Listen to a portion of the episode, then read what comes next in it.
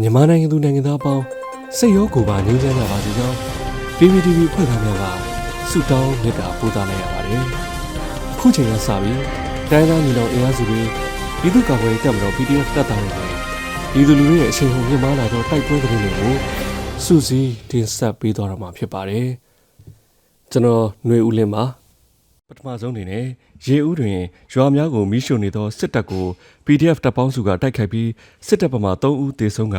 အများပြားဒဏ်ရာရရှိတဲ့သတင်းကိုတင်ဆက်မှာပါ။စကိုင်းတိုင်းရေဦးတွင်ရွာများကိုမိရှို့နေသောစစ်တပ်ကို PDF တပ်ပေါင်းစုကတိုက်ခိုက်ပြီးစစ်တပ်ဘက်မှ3ဦးသေဆုံးကြောင်းခင်ဦး Local Guerrilla Force မှပြန်ကြားရေးတာဝန်ခံကရန်ကုန်ခေတ်သစ်သတင်းဌာနသို့ပြောဆိုထားတာပါ။ ဇွန်လ24ရက်နေ့ရေဦးမြို့နယ်မှာကားလေးစီးဖြင့်ချထားခဲ့သောစစ်တပ်သည်ခြေလင်းစစ်ကြောင်းဖြင့်ရေဦးမြို့နယ်အနောက်ချမ်းတန်တဲဇဝနှောကုန်းကုန်းတန်းဝတ်ဖိုးမြင်းပေါက်တောင်ကုန်းမဲအိုဖလန်ကုန်းကံပေါက်ကုန်းသာမြို့ကြီးတတော်စသည့်ရွာများကိုရွာစဉ်ပတ်မွေမိရှုဖျက်ဆီးခဲ့ကြောင်းဇွန်လလ28ရက်နေ့ညနေပိုင်းတွင် တင်းတိန်ရန်ရွာသို့ အင်အားအလုံးရင်ဖြင့်လက်နက်ကြီးလက်နက်ငယ်များပစ်ခတ်ဝင်ရောက်လာခဲ့ကြောင်းသိရပါသည်။ဇွန်လလ29ရက်နေ့မွန်းလွဲပိုင်းမှစတင်ပြီးတင်းတိန်ရန်ဈေးဆိုင်ကန်းပေါင်း200ကျော်နှင့်ပြည်သူပိုင်နေအိမ်ရာနဲ့ချီပြီး3ရက်ဆက်တိုက်မီးတင်ရှို့ဖျက်ဆီးခဲ့ကြကြောင်းအဆိုပါစစ်ကြောင်းသည်ဇွန်လ31ရက်နေ့မွန်းလွဲပိုင်းတင်းတိန်ရန်မှတပိန်ခြံသို့အထွတ်လန်ခီတွင်ခင်ဦး Local Guerrilla Force KUGF Hero Army ဗိုလ်ရောင် Local Defense Force တို့နှင့်အတူဒေသခံကာကွယ်ရေးပူးပေါင်းတပ်ဖွဲ့များမှမိုင်းဆွဲပစ်ခတ်တိုက်ခိုက်ခဲ့ကြကြောင်းတိုက်ခိုက်မှုကြောင့်စစ်သား3ဦးသေဆုံးပြီးစစ်သားအများပြားဒဏ်ရာရရှိကြောင်းခင်ဦး Local Guerrilla Force KUGF ၏သတင်းပြန်ကြားရေးတာဝန်ရှိသူကပြောဆိုပါတယ်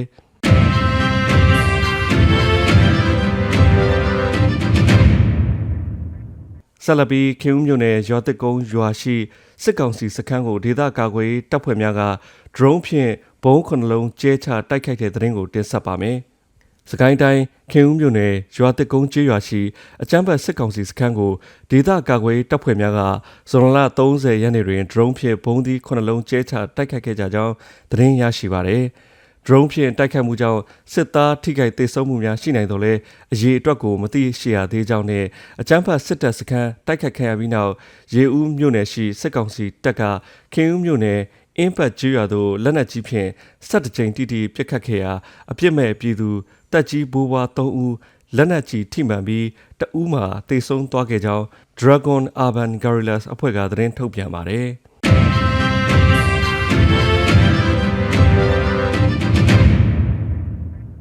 မန္တလေးရေလေကျွန်းရွာတွင်တပ်ဆွဲထားသောစစ်ကောင်စီတပ်ဖွဲ့ဝင်များ drone ဖြင့်တိုက်ခိုက်ခံရပြီးတိုက်ပွဲဖြစ်ပွားတဲ့သတင်းကိုဆက်လက်တင်ဆက်ပါမယ်။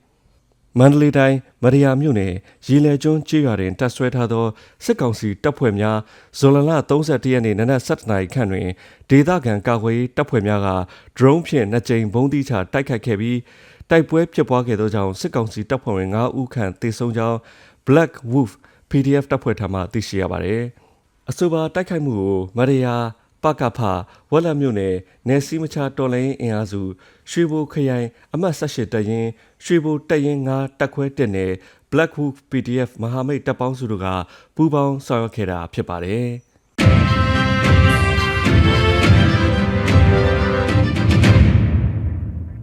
နောက်ဆုံးအနေနဲ့အမျိုးသားညီညွတ်ရေးအစိုးရပြည်ထောင်နယ်လူမှုကြီးကြပ်ရေးဝန်ကြီးဌာနက2022ခုနှစ်ဩဂုတ်လ1ရက်နေ့ရက်စွဲနဲ့ထုတ်ပြန်တဲ့ပြည်သူ့ခုခံတော်လှန်စစ်သတင်းအချက်အလက်တွေကိုတင်ဆက်ပေးသွားမှာပါ။အာနာသိအကြမ်းဖက်စစ်အုပ်စု၏ပြည်သူလူထုအပေါ်အကြမ်းဖက်ဖိနှိပ်ဖမ်းဆီးတိုက်ခိုက်တပ်ဖြတ်နေမှုများကိုပြည်သူလူထုတရက်လုံးကမိမိကိုယ်ကိုမိမိခုခံကာကွယ်ပိုင်ခွင့်အရာပြည်သူခုခံစစ် People Defenses War ကိုဆင်နွှဲလျက်ရှိပါတယ်။ သတင်းချက်လက်များအရ30ရက်9လ2022ခုနှစ်နေ့ရက်တွင်စစ်ကောင်စီတပ်ဖွဲ့ဝင်89ဦးသေဆုံးပြီးထိခိုက်ဒဏ်ရာရရှိသူ10ဦးအထိခုခံတိုက်ခိုက်နိုင်ခဲ့ပါတယ်။စစ်အာဏာရှင်စနစ်မြမအမျိုးပေါ်မှာအပိတိုင်ချုပ်ငြိမ်းရေးနဲ့ Federal Democracy စနစ်တည်ဆောက်ရေးအတွက်ငြိမ်းချမ်းစွာဆန္ဒပြသည့်လူထုတပိတ်တိုက်ပွဲများကပြည်내နှင့်တိုင်းဒေသကြီးများမှာဖြစ်ပွားပေါ်ပေါက်လျက်ရှိပါတယ်။